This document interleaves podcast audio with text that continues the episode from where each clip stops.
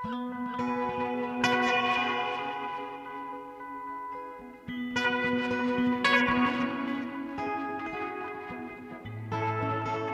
og sæl, kjærlustendur, Melgorka Ólafsdóttir og Halla Harðardóttir heils ykkur úr hljóðstofi Víðsjár þriðdægin 18. oktober. Í þætti dagsins 70 teikningar í þölu, máltaka á stríðstímum, kabarett og huldumál. Anna kvöld, miðugudagskvöldi 19. oktober, mun kammerkórin Áróra frumflytja tíu ný sönglög við ljóð þjóðskáldsins Huldu á tónleikum í fríkirkjunni í Reykjavík. Laugin samti jazzsöngkonan og tónskaldið Una Stefánsdóttir sem vildi með þessum nýju tónsmíðum gefa ljóðum huldu nýtt líf og vekja aðtikli og aukin áhuga á verkum þessara merkilegu skaldkonu sem margir vita af en færri þekkja vel til nema mögulega fyrir þjóðháttíðaljóðið hver á sér færa föðuland. Það er Una Stefánsdóttir og Sigriður Sofía Hafleðadóttir, kórstjóri Kammerkursins Áróra, verða gestir vísjar hér á eftir. Á síningunni No Pretending í Galleri Þölu sínir Rakel McMahon 70 nýverk sem alveg óvart rauðust upp á vegg eins og tarrottspill. Útgangspunkturinn var þó aldrei að vísa í heim spátámsspila, heldur einmitt að vísa ekki neitt. Lefa teikningunum að koma í ósálráðu flæði, án rittskoðunar og evasemda. Verkin eru þó, kannski líka óvart, fulla vísunum í listasöguna, heim trúabráða og tákna og einnig í líf listakonunar. Verkin eru smágerð því þau eru ekki unnin á vinnustofu, heldur hér og þar í Reykjavík og Greiklandi upp í rúmi eða við eldursporðið. Við ræðum við Rakel Magmáun í þætti dagsins. Á förstutaskvöldum í vetur verður sleið upp kabarettveistlu í þjóðleikúskjallaranum þar sem ímsir hópar munu taka yfir sviðið. Nína Hjálmarsdóttir fór á kjallarakabarett um liðna helgi og segi frá þeirri reynslu í þætti dagsins en við byrjum á bókmyndinu.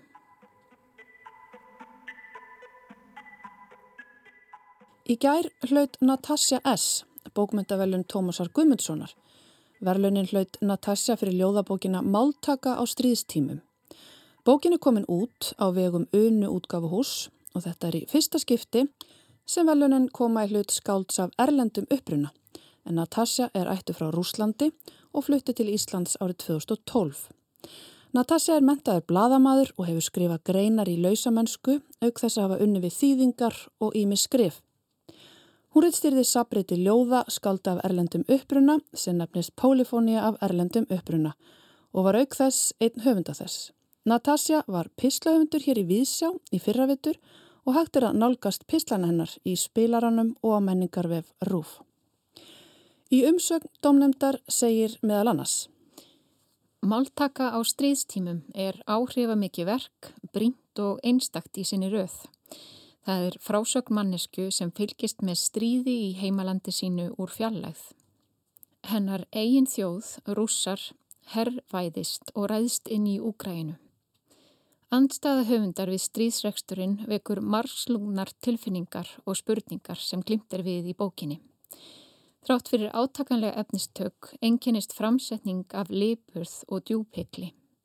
Skýrskotanir í íslenskan raunveruleika færa atbyrði stríðs í nýtt samhengi og draga fram sláandi andstæður. Mannskilningur höfundar nær þverti við þjóðerni, búsettu, reynslu og bakgrunn.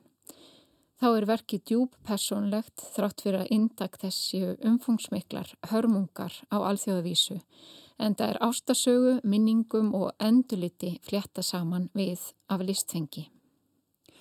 En þá er komin tími á að gefa Natasju S. orðið. Hún flytur nú þakkaraðina frá því á aðtöfninni í gær. Þann 1. januar hóf ég árið með upplestri ljóða í nýjárslestri sem stóð frá Sólaruprás til Solseturs.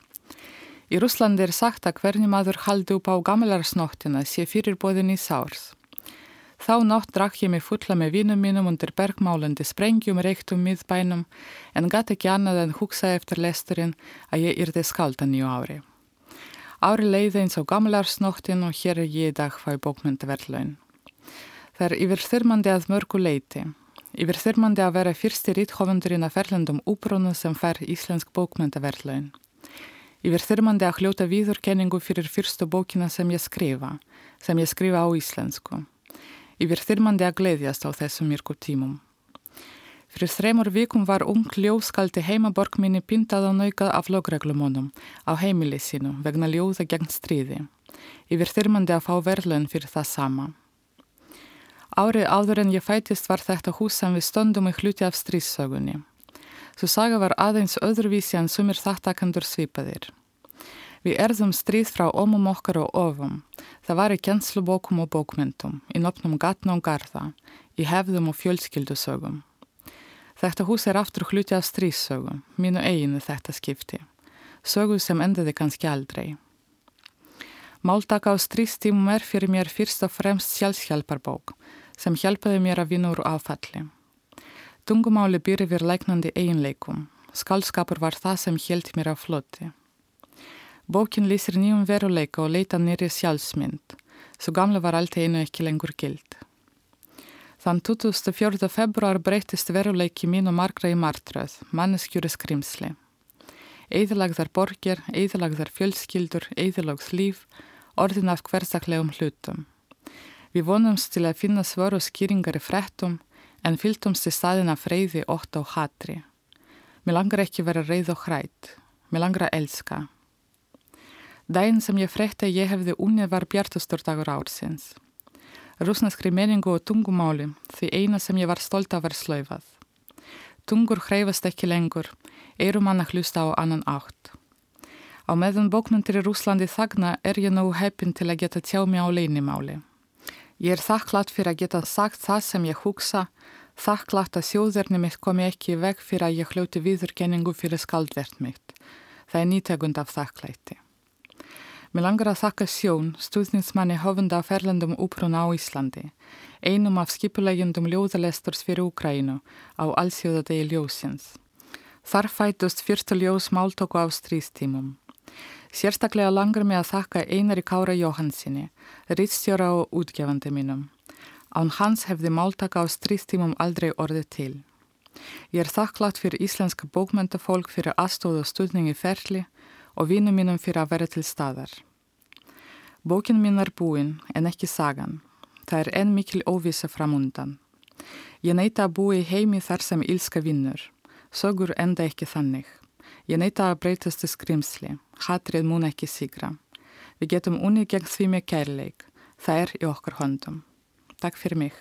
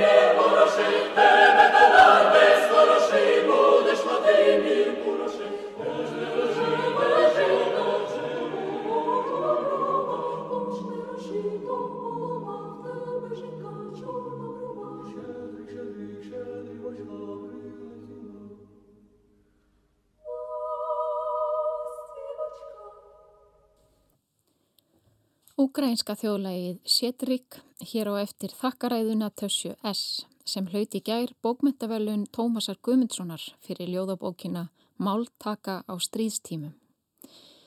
Þjóðlægið þekkja margir í amerikanseriðum búningi sem gerðnar hljómar fyrir jólinn. Færi vita að lægið var upphaflega útsett af ukrainska tónskaldinu Mikola Leontovics og frumflutti í Carnegie Hall árið 1921 örfá mánuðum eftir aftöku tónskálsins að fyrirskipan sovjaskara yfirvalda. Upprunalegi tekstinn hefur ekkert með jólin að gera, heldur segir hann af litlum fuggli eða svölu sem tillir sér á greini upphafi nýs árs og bóðar bjartari tíma. Við ætlum að halda okkur við bjarta rattir og rattir vonar. Skáldkonan Hulda eða unnur Benedikt Stóttir Bjarklind var fætt árið 1881 að auðunum í söður Þingaðsíslu. Hún var alveg upp á menningarheimili, las mikið og fór snemma að yrkja. Fyrstu hvæði Huldu byrtust á prenti í kvennablaðinu Framsókn þegar hún var um tvítugt og fljótlega upp úr aldamótunum 1900 fóru ljóð eftir hanna að byrtast í vikublöðum. Sum höfuðskáld þjóðurinnar lofuðu skáldskap huldu þó þeir ættu líka erfitt með að taka verkanar alvarlega til japs við skáldverk Karlmanna þessa tíma. Hulda var afkasta mikið skáld. Á 45 árar í töfundaferli komi frá hennar hendi 20 skáldrit, stór og smá, nokkur smásagnasöfn og sjö ljóðabækur. Á sama tíma rak hún stórt og rausnalegt heimili. Hulda var einn af frumkvöðlum nýromantísku stefnunar, notaði markvist stílbrað nútímaljóða og var óhætt við að tjá tilfinningar og kvenlegar kendir í skrifum sínum. Annað kvöld, miðugdaskvöldið 19. oktober, mun kammerkórin Áróra frumflytja tíu ný sönglög við ljóðhuldu á tónleikum í fríkirkjunni í Reykjavík. Laugin samti jazzsöngkonan og tónskaldið Una Stefánsdóttir sem einnig leikur á tónleikunum á samt kór og hljómsveit. Við sjá forvitnaðist aðeins um verkefnið. Una Stefánsdóttir og Sigga Sofja Hafleðadóttir eru sestir hérna hjá mér. Una Stefánsdóttir, þú ákast að, að búa til tíu nýju sönglög við ljóð huldu. Hvað var til þess að þú ákast að gera þetta? Já, ég er svo uh, var á svona lagasmíðabúðum á Patrísfyrði fyrir mörgum árum sem heit Eldsmiðjan og þar voru konur í tónlist sem voru að fengna saman til að semja músik og svo voru tónleikar á hverju kvöldi þetta var að sínt hérna rúf þetta voru þættir og í þessu kampi eða þessum búðum þá ákvæði ég að semja tónlist við ljóð sem sagt ekki semja mína eigin texta sem ég gerir venjulega heldur að fá einhvern sem að vissi hvernig á að skrifa almennileg ljóð texta. Og ég og Rósa Guðrún tónlistakona Eh, sömdum lag við ljóð eftir huldu sem heitir Liljur kvítar í ljósum draumi. Og þetta var bara svona algjörlega random ljóð sem ég fann í einhverju bók og við bara, okkur fannst það svo fallegt þannig að við ákomum að semja eitt lag við það. Og svo í kjölfæri að þá ég nefnilega er smá svona ljóðanörd og hérna hef mjög gaman að því að lesa ljóð að þá far ég að skoða huldu. Og aðalega sko ég var svo forvitin að því að ég vissi ekkert hver hún var. Mm -hmm. ég vissi að hún hefði skrifað hver á sig færa föðurland og svo vissi ég bara ekkert meira um hana og því meira sem ég komst að og bara og lærði því merkilegri fannst mér hún og sömulegis bara eru ljóðunina svo ótrúlega falleg. Og uh, þegar maður les svona alls konar heimildir um hana og hennar lífa þá er svolítið augljöst að hún var svona kannski fórnalamp samtíma síns að vera kona sem var uppi og meðan að konur voru helst ekki að skrifa ljóð eða skaldsögur og fyrir vikið þá einhvern veginn fór minna fyrir henni en, en ætti og þá einhvern veginn fannst mér eins og ég geti kannski tekið einhvað af þessum ljóðum og tekið upp og, og hérna gefið þeim smá framhaldslíf af því að mér finnst svo mikil synd að fólk viti ekki af henni og þekk ekki ljóðinennar. Þannig að það var svona ljósið, já, ástæðan fyrir því. Og var erfitt að velja bara tíu af hennar ljóðum? Já, það var mjög, mjög erfitt. En hún gaf út sko mikið af ævintýri líka og skáldsum Þannig að ég gæti allavega sortra það frá, það voru goðið fréttinar, en mm. kannski vill einhver gera óperu eða eitthvað úr einhverju ævintýri, Ek, ekki ég sann. Við skorum á eitthvað að nóti að gera það hér með. En hvernig kom ykkar samstarf til, þitt samstarf og kórsins Áróru sem Sigga Sofía stjórnar? Já, sko, við una þekkjumst kannski eiginlega út frá því að fóröldar okkar stopnuði söngskólan Dómus Vox árið 2000 og þannig að við erum góðar vinkonur og hefum gert ímislegt saman og ég veit ekki það, þið langaði bara að hafa áróra með. Já, ég eiginlega hafði þær í huga fyrir þetta Já. að því að þær eru svo fallega, þetta er svo fallega blandaðu kór af röttum sem eru svona komnar mislangt í sinni þjálfun kannski og svo er Sigga bara einstakur kórstjóri og hún er bara einhverju út úr þessum hóp sem engin annar geti Þannig að ég skrifaði þetta alltaf með, með siggu og árarurnar í huga og það er sko þvílikt standa undir nafni sko. Já það eru duglegar sko. En ég man að unna sko kom í kaffi til minn 2019 cirka og tala um þessa hugmynd sem ég fannst bara ótrúlega skemmtileg hugmynd og maður er alltaf svo gladur að fá fleiri nótur út af það er eiginlega bara mjög stór partur af því að vera kórstur er að finna verkefni og nótur og tíu ný sönglu, ég bara yes, haustið er komið. Og svo gerist bara COVID og þá kom bara laung þögn og ég er svo glöð að við séum að gera þetta núna. Náðum að frumflytja þrjú verk í fyrra í Húsauku kirkju sem er náttúrulega dásanlegt Já, Huldaðis er satt er þaðan frá Þingaði síslu mm -hmm. og ég held að maðurinn hannar hafi með þess að verið bæjastjóri á Húsauk og hún bjó á Húsauk sko þannig að Já, það var mjög fallegt mm. að geta flutt hluta þessu hérna, á hennar heimaslöðum og svo er þetta allt svo skemmtileg tilvílun að svo er Sigga ættu þaðan frá Húsavík. Já, og mamma er með litla söngháttið á Húsavík, alltaf á hverju sumri og sem heitir Hásláttur og þar helduði þessa tónleika sem hétt Huldumál og fengum að nota þetta fallega orð Huldumál fyrir tónleikan á miðgutæn. Já, en segðu mér aðeins meira frá þessum kór, áraru. Já, úr því ég byrja að tala um mömmu mína. Ég er sérstætt vinn í söngskólanum Dómusváks sem er lítill söngskóli en stór kórskóli í rauninni. Og Áróra hópurinn var stopnaður 1997 og þá var hann svona ákveð konceptkór. Hann æfði ekki vikulega eitthvað svoleiðis, heldur hópaði mamma saman vönum röttum úr hennar ímsu kórum til þess að koma fram á einhverjum listaháttíðum eða í útlöndum eða þess áttar og það var myndlistamæðurinn Áró sem bauð hópunum að koma 97 á myndlistaháttíð því fekk kóri nafnið Áróra en svo, svo fallit að tengja líka við um, Áróra Borealis og þetta er fallit nafn. En núna 2016 tók ég við stjórn og við höfum verið að æfa síðan sem hefðbundin kór. Og þetta eru kvennrattir á aldrinum 18-28 ára svona um 30 kórmeðlumir og þar hafa það saminlegt að þær eru flestar í söngnámi og hafa verið til dæmis í stúlnakó Reykjavíkur síðan 6 ára eða eitthvað svo leiðs og eru núna 22 þannig ég fengi að fylgjast með sömum þarna bara frá því að það voru pingu litlar yfir í að vera blómstrandi söngkonur. Já. En sönglaugin Una, þú ert svona í grunninn allavega mest jazz söngkona eða ekki? Og, og tónsmiður Er þetta jazzlög eða er þetta meira svona eins og sönglögu sem við þekkjum þau eða er þetta hefbundnum kórútsetningum? Þetta er blanda völlu. Já, þetta er, ég myndi alltaf að segja þetta sé ekki jazz. Ég getum alltaf að stróka það át á listanum. Ég er að færi með hægt og rólega yfir á myrkullíðina. Nei, uh, þetta eru, ég myndi segja þetta væri nokkuð hefbundin sönglög og já, nokkuð hefbundnar kórútsetningar á mörguleiti en ég vildi, ég setti mér það mark með að hafa þetta aðgengilegt mm -hmm.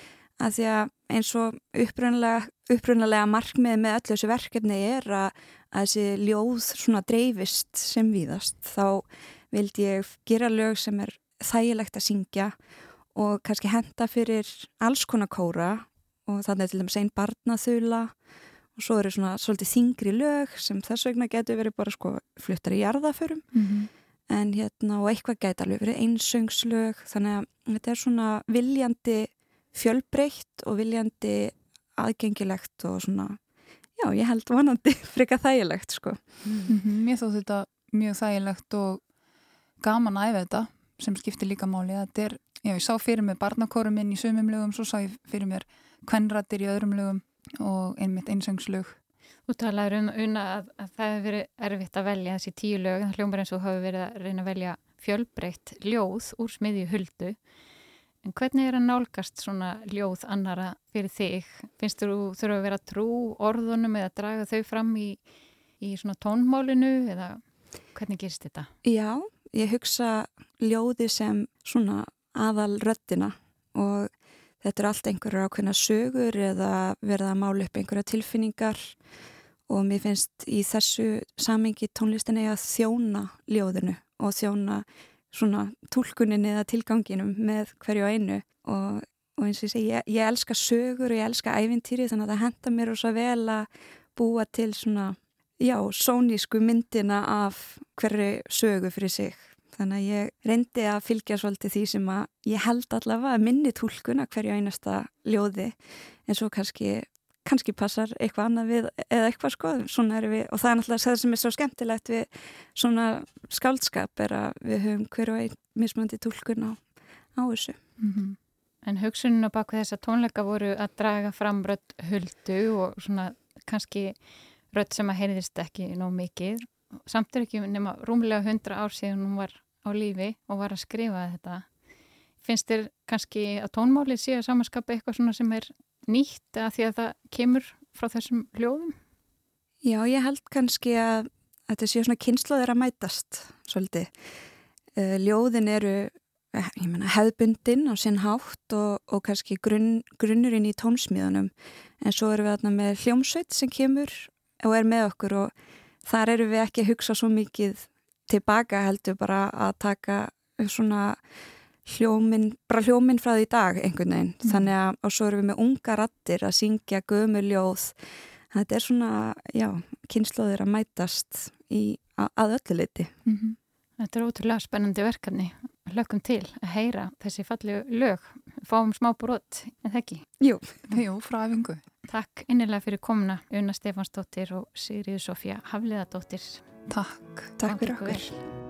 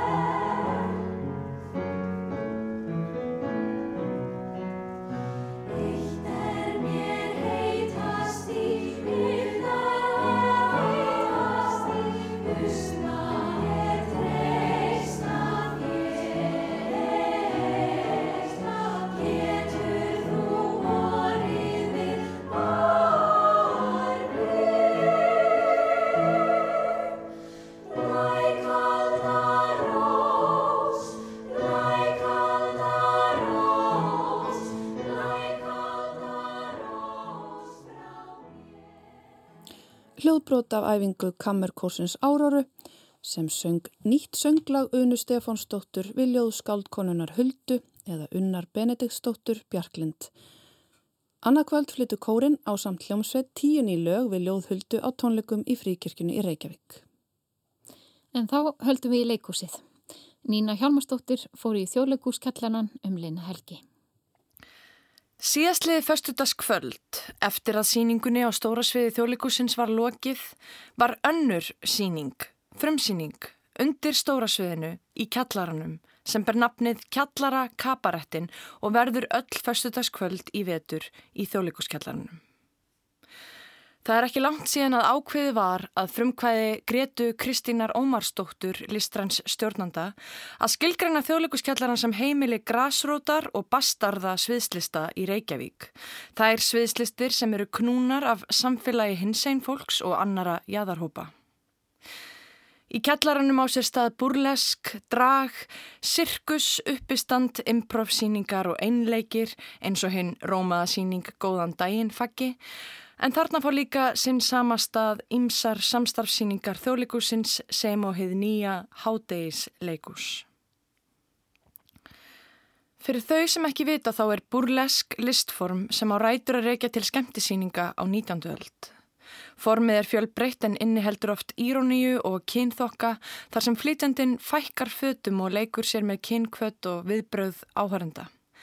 Drag er síðan listform og performance sem inniheldur alla flóru kyntjáningar, er rampolítist og afbyggir valdastruktúra og sínir fram á að kyn er samfélagslegur tilbúningur.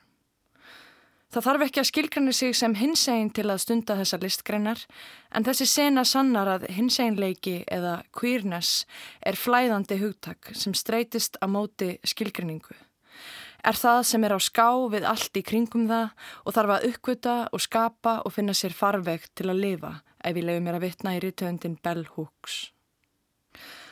Skipulegjandi kjallara kabarettsins er burlesk drottning Íslands Margret Erla Mokk eða Mokki en hver síning í vetur hefur sitt þema eins og burlesk karaoke, rekja vöku kvöld og jóla útgáfa. Öppnunarkvöldið á föstudaginn var allsherjar fjöllista síning með dragdrottningum og burlesk flytundum en líka sirkuslistum, söngnúmurum og breykdönsurum. Kjallarinn var smekk fullur af fólki og er greinilega vel sóttur af hinsæn fólki og fólki af erlendum uppruna, fjölbreytileiki sem sérst lítið á öðrum leiksýningum. Hér er löngu búið að gleima fjörðavegnum, fólk veigra sér ekki við að öskra og flauta og mótmæla, ræða við flytjendur í miðju atriði og standa upp og sækja sér aðra flösku á barinn. Geskjafin okkar var hinn breski sviðslistamæður Vilfredo sem hjælt velum taumana á milli atriða með beittri komedíu sem oftar en ekki var til í samtali við áhörundur. Hann skartaði svartri kísulóru hárkollu í stíl við skeggið og var klættur í þrönga kvíta skirtu og allt of háar buksur sem dróðu fram stærðarinnar kameltá. Maðurinn er greinilega meistar í sínu fæi og náði áhörundum fullkomlega á sitt band með uppistandi og brotvei sönglögum, grótesku og ádeilu, ókurteysi og einlægni. Hann gerði stólpa grínað sjálfum sér og áhörundum og saði brandara sem að ég get ekki endur tekið í útvarpinu. Hún var þó döðans alvara þegar hann saði okkur hvað við erum að upplifa á svona síningu að fegurðin fælst ekki í stereotypiskri líkamsgerð heldur í viðmótinu, attitútinu, í sjálfströstinu. Í glósunum mínum frá kvöldinu stendur að ég vissi ekki að það sem ég þyrti í líf mitt væru risastórir upp á blásnir hákarlar með burlesk dúska á brjóstunum að dadra við áhöröndur Eða ég þurfti að sjá konu í smokk að hoppa í gegnum risa píku við stuðmannaslagaran franskar sósa og salat. En það var samt það sem ég fekk og ég fekk ekki nóg. Go-Go Star, óumdeilt móður í dragsennu, flutti atriði með skýrum söguþráð þar sem hámarkinu var náði í absúrtisma sem ærði líðin. Hinn sjóaða Fake News sem er dragnafn dansarans og dansuhöfundarins Cameron Corbett olli ekki vombriðum í satiru af svanavatninu þar sem þjóðaréttur Íslendinga Pulsan leik stórt hlutverk.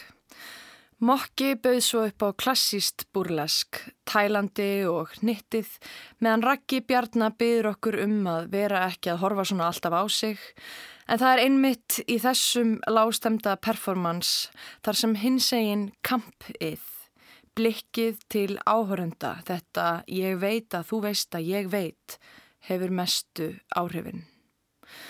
Það var eitt staður í síningunni þegar Mokki stjórnaði hópsenu undirbúni á staðnum af áhöröndum þar sem orkan í salnum datt alveg niður. Líklegt er að skipulegjundur hafi ekki átt að segja á því að fólk yrði svona hressilega í glasi og því með stutt aðtegli spann en Vilfred og okkar tókst á endunum en á áhöröndum aftur sitt band með því að gefa þeim næga aðtegli og síningin gatt rúlað áfram.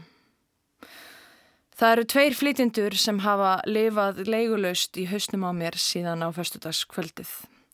Annars vegar er það búrlesk mærin Bobby Michelle, dominerandi í leður nærfötum, glottandi á meðan húlahopp ringir þeittust um líkamann hennar.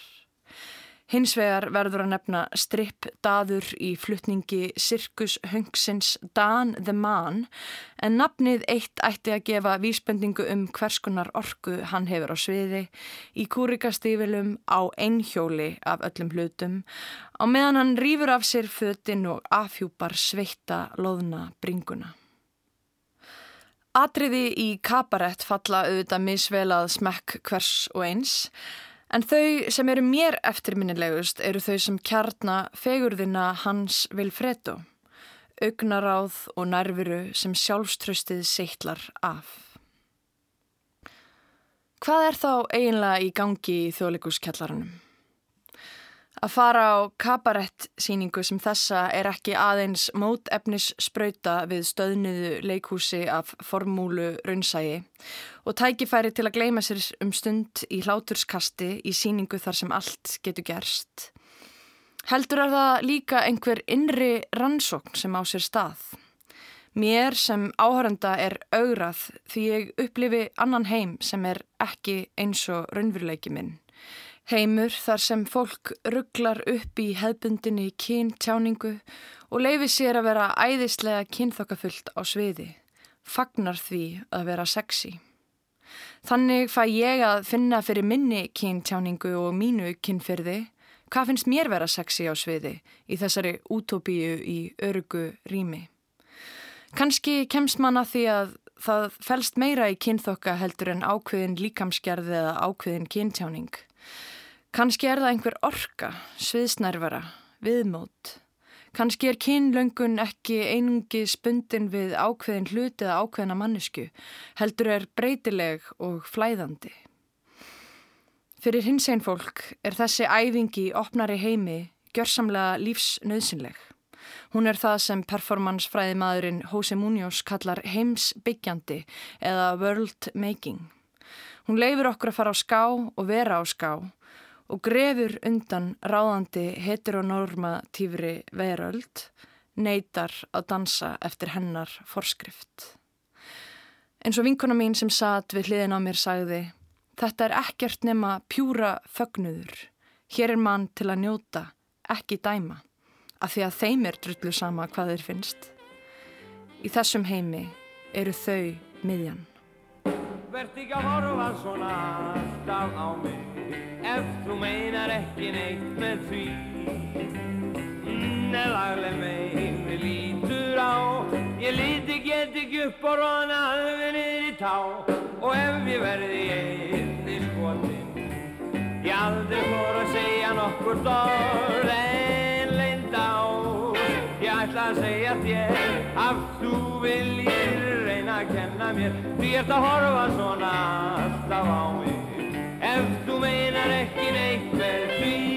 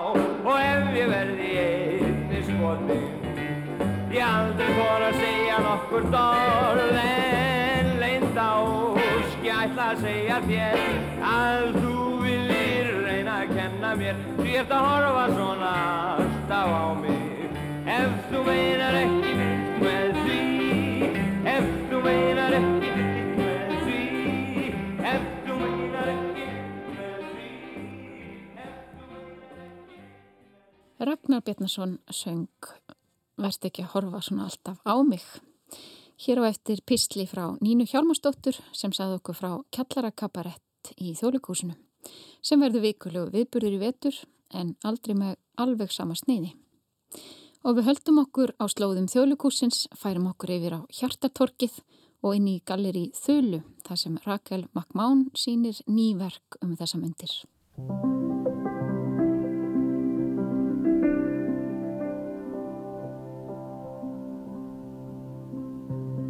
Þetta er svona seria af teikningum og þær eru mjög smáar vegna þess að kona snýður stakk eftir vexti og hérna ég ákvaði að segja upp vinnustofinu minni og þetta er allt unnið heima.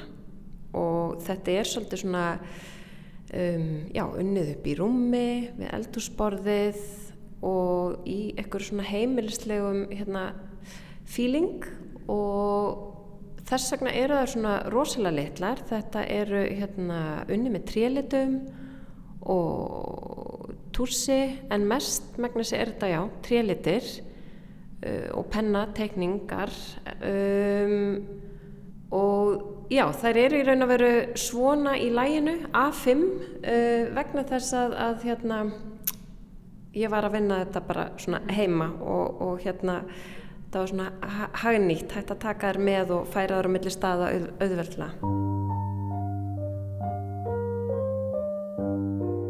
Ég hef verið svolítið að skoða hérna streð og var að reyna svona markvist að draga úr streitu enginum sem ég hafi verið að finna mikið fyrir þannig að hérna, þessi einvera og ró og það ægir svona af það er svona ímiskonar áhrif í þessum verkum, litlu verkum. Og það sem kannski er öðruvísi með þessar teikningar en önnur verk sem ég hef verið að vinna er að oftast er ég með fyrirframgefna svona hugmynd og hérna veit svolítið hvað ég er að vinna með um, og er svolítið svona búin að máta svona hugmyndina af verkinu áður en að verkið sjálft kemur mm. og hérna það er, því er öfugt farið í þessum verkum og það stóði í raun og veru aldrei til að sína þessi verk. Þetta var fyrst og fremst gert fyrir sjálfa mig til að svona draga úr eins og ég segi streitu og í raun og veru eins konar huglegging. Ég er búin að vera hérna, líka svolítið mikið í jóka og er með frábæran jókakennara og, hérna, og það kemur alls konar svona, þetta er svolítið andlegs eðlis um, og svona það sem ég er að fara inn á við og ég leifi bara því að koma sem kemur og reyna ekki að dæma það heldur bara og það, þá er náttúrulega líka kosturinn að hafa það svona smávaksnar að, að hérna það er allt í lægi að það koma mistök og það er í raun og veru teikning held ég aftan á öllum þessum teikningum.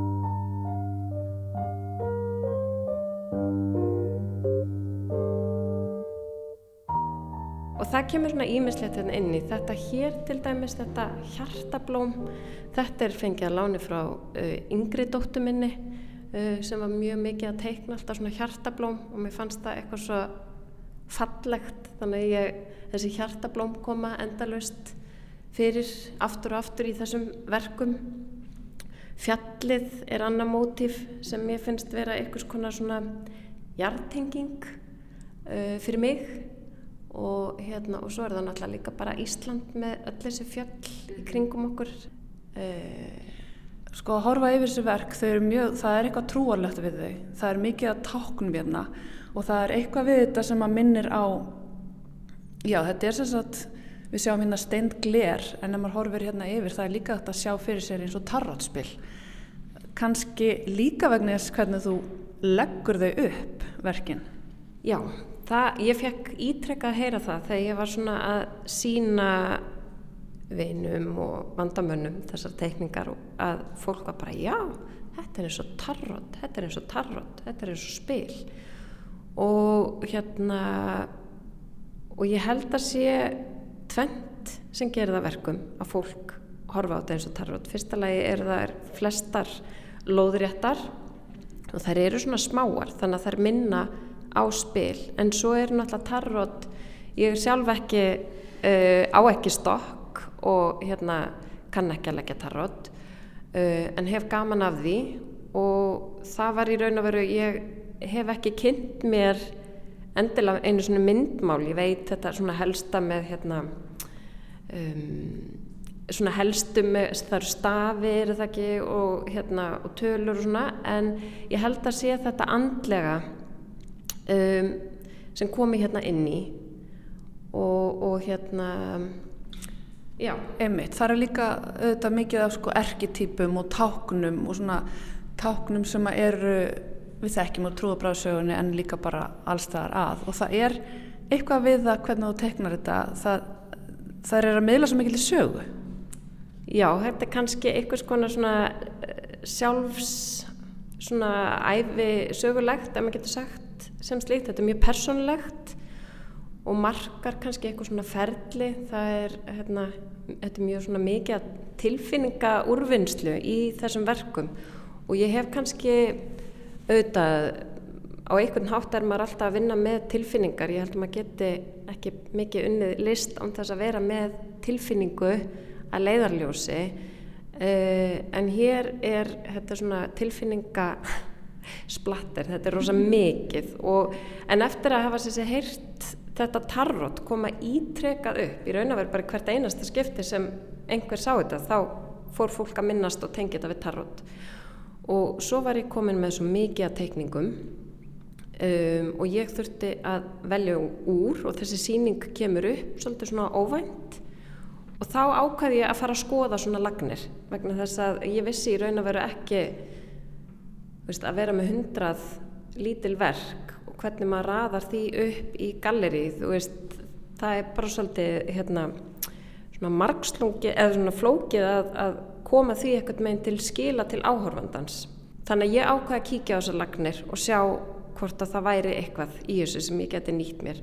Og þá eru þar svona ótrúlega skemmtilegar og margbreytilegar í hérna lögun. Þannig að eins og hér á þessum stóra vegg hérna að þá eru við með lífslögn. Og hér er hérna um, hitt persónlega hérna er svona starf eða karýr uh, starfsframi. Hérna eru elskandunir og hérna er heimilið. Og, og hérna þannig að það er svona þetta bara kom. Og, og hérna þessi er mandala spread og þá er þau þetta bara small. Og, og hérna Þannig að það urðu fullt af tekníkun sem rötuð ekki á síninguna sem voru samt ekkit síðri. En það var kannski hérna, bara að leifa þeim að vera í lögninni eins og hún er sko. Það var eitthvað í mér sem var svona já ok, þú veist fólk sér þessa tarot tengingu en út af því að hún var kannski ekki til staðar í upphafi að þá fannst mér, en svo bara passaði það svona vel við og ég var bara að vinna, það kom bara í flæði eins og kannski verkinn sjálf. Og þau eru mjög litrík, svakalega litrík og ég leifði mér mjög margt sem ég hef kannski ekki leift mér í öðrum verkum eins og til dæmis bara, veist, skreita. Um, ég kannski, þegar maður er að vinna með svona fyrirfram ákvæmna hugmynd, þá setur maður kannski ekkert í verkið sem er ekki partur á hugmyndinni. En hér fær það allar svona reglur og bóða bönn að víkja. Auðvitað bara bóða bönn sem ég set sjálfri mér. En það er bara ótrúlega mikið svona skreiti og flúr og litir og figuratíft í þessu sem ég hérna leiði mér bara að, að alveg hérna njóta þess að vinna með Eins og þú segir, þá hefur þú vanalega, þú ert vöndið að vinna í alls konar miðla, hérna ertu fyrst og fremst að vinna með teikningu, en þú ert líka mitt vöndið að vera kannski með eitthvað konsept fyrirframgefið og ganga inn í það. En hérna er þetta allt í ykkur flæði og þú ert að vinna mikið með þína eigin reynslu. Er það kannski líka eitthvað sem er nýtt fyrir þér? Um, ég held að maður gerir það, all, maður er aldrei alveg hlutlaus og hérna hvort sem það er svona fyrirfram ákveðin hugmynd, maður er eitthvað með en alltaf sittur uppi með sjálfan sig í öllu og hérna uh, en í þessum verkum þá er ég hérna, þetta svona vitsmunalega og raukhyggjan og það má kannski segja, ég var að kenna kurs um súrealista og súrealisma uh, og þar fekk ég bara ótrúlega mikinn áhuga á þau eru að vinna með þetta flæði og ekki að vera fyrirfram ákveðið. Og það eru engin rauk eða svona þessi raukhugsun hún bara fær að víkja fyrir einhverju sem er innra með okkur, eitthvað svona tilfinning. Og það er rosalega frelsandi að hafa bara, þú veist, af hverju er þetta blóm hér? Ég veit það ekki, þetta bara kom. Þannig að það er bara, það er rosalega frelsandi að hérna veit ekki neitt og, og hérna leifa bara öllu að koma og vera í þessu flæði og þurfa að gera engum til geðs nema sjálfum sér þannig að hérna og ég held að það sé kannski líka það sem ég er hrifin af við myndunum að þær eru áreinslu lausar það er engin, eða ég vona að það sé ekki tilgerð í þeim því að ég held að ég hafi verið að reyna eitthvað með eins og já, vera bara sönn um, og, og kannski líka ég hef haft áhuga á mörgum miðlum, ég hef líka unni mjög mikið í samstarfi við aðra og þá kannski hérna verða hlutirnir ekki alveg svona personleir maður þarf alltaf að bera undir og þú bara ert ekki að taka eitthvað ákvarðanir án þess að bera það undir aðra í samstarfi. Um, og ég held að það sé kannski líka að fara aftur í kjarnansinn og mamma hún sagði mér hérna að þegar ég var barn þá var þetta fyrsta sem ég gerði á mótnana vera að teikna. Og þau sáu til þess að það voru bara svona bungi af A4-blöðum og penni á morgunverðarborðinu og þetta, svona byrjaði ég alla daga. Og helgarnar, þú veist, það var náttúrulega ekki hérna, sjónvarp um helgar og við vorum ekki með stöð 2 og við vorum ekki með vídeo eða neitt svo les og þá bara fór maður fram og teiknaði. Og þegar eitthvað verður vinnanmanns, ég var svolítið líka að hugsa um þetta að maður fer svo í listaháskólan og svo fer maður að kenna þetta og þetta verður hluti af starfinum hans maður fær greitt fyrir þetta að vera myndistamæður og hérna og þá var ég kannski búin að það er þessi nálgun á myndlistina um, að hér er hún algjörlega, hún er svolítið svona nálgun barsins að það bara hérna um, og það er engin síningi vændum þegar ég er að vinna þessar myndir og þannig að það er engin pressa Uh, og, og, og eftir þá vil ég bara ítrekka að pressan kemur náttúrulega alltaf fyrst og fremst innra með sjálf, sjálfum mér þú veist að ég hérna að það er ekki ég sem er að setja pressuna á að gera verk sem þarf að standast eitthvað svona eitthvað mælikvarða. Uh, hérna er þetta bara eins og þetta er. Og það finnst mér hérna og ég er um þetta að vinna annað verk Eh, fyrir aðra síningu núna og þá er ég að vinna með svona samskunar að, að ég bara að eh, vinna með þetta eitthvað með einn innsæðið og leifa því svolítið að koma. Það er svona rauk eru kannski aðeins mm -hmm. Já, til að halda þeim aðeins til hliðar vitsmunum og raukum Titill síningarnar er einmitt No Pretending og það er hérna tilvetnin í Marlene Dumas sem að kannski kvinta að lesi bara fyrir okkur Já. að því að hún er einhvers konar svona leiðastjarnar hérna á þessari síningu, er það ekki? Jú, og hún hefur inspirað mig og veitt mér mikinn innblástur og þá sérstaklega sko fyrst var það listin hennar sem veitti mér innblástur en svo fór ég að hérna tengja svo mikið við skrifin hennar. Og hún skrifar ótrúlega mikið. Og þessi bók sem heitir Sweet Nothings hún er með skrifum bara í raun og veru sapn af skrifum frá henni. Og það má kalla þetta prósa eða hérna, ljóð og hérna, þetta er svona huglengur og það sem kannski mér fannst það sem ég tengdi við var hversu hispustlaus og hreinskilun er þegar hún er að tala um myndlist. Og mér fannst það svo frelsandi.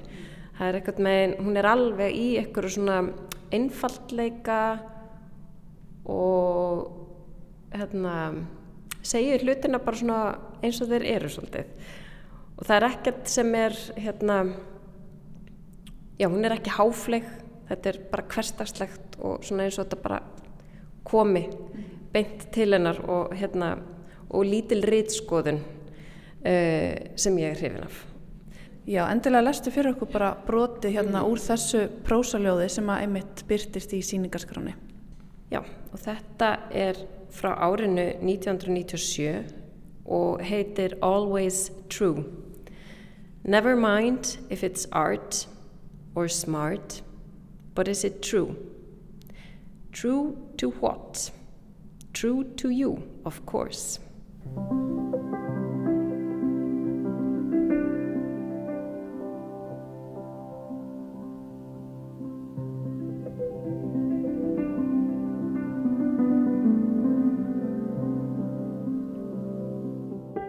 Hallarætti hér við myndlistakonuna Rakel McMahon um yfirstandandi síningu í galleri Þölu við Hjartartorg. Við ljúkum þætti dagsins á lægi með enn einni þungaviktar listakoninni hér í þessum þætti og það er tónlistakonan Jófríður Ágadóttir. Lægið heitir The Orchid eða Orchidean en þessi kvenlega blómtegund er Jófríði hugleikin sem segir að Orchidean sé tákmynd endurfæðingar og nýs upphafs og við endum þáttinn þar. Og þökkum ykkur áhernina, kærlustendur, verið í sæl.